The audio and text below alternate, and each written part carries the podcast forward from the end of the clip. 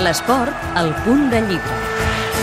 Ja fa uns quants anys que per aquestes dates tenim l'oportunitat de recordar l'any futbolístic del Barça a través d'un llibre.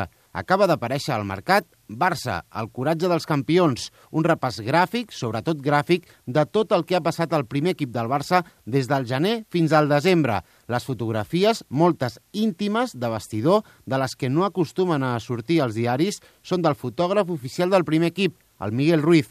El context literari aquesta vegada ha anat a càrrec de la periodista Sandra Sarmiento. El llibre, evidentment, explica el Barça, el de la temporada passada, el dels 100 punts de, de, del Tito, de la Lliga del Tito, de la recuperació de, de Vidal, de la recuperació de Tito, de la recaiguda, ens trobarem al Barça de Martino, al Barça de Neymar, és a dir, és l'any 2013, de manera cronològica, destaquen les coses bones, no? la Lliga dels 100 punts, eh, la recuperació de, de Vidal i també la figura del Tito mm, hi surt bastant. Les figures de Tito Vilanova i Erika Vidal tenen un pes important en l'edició d'aquest any, on s'hi poden trobar imatges íntimes i poc habituals als últims temps al Barça, als moments de la derrota des de dins del vestidor. Sobretot per mi les fotos de vestidor eh, després de la derrota contra el Bayern, tant allà com aquí, són potents perquè estem acostumats, o com a mínim els últims anys hem vist moltes fotos de vestidor d'alegria, no? de derrota, i de derrota tan dura com és en aquest cas,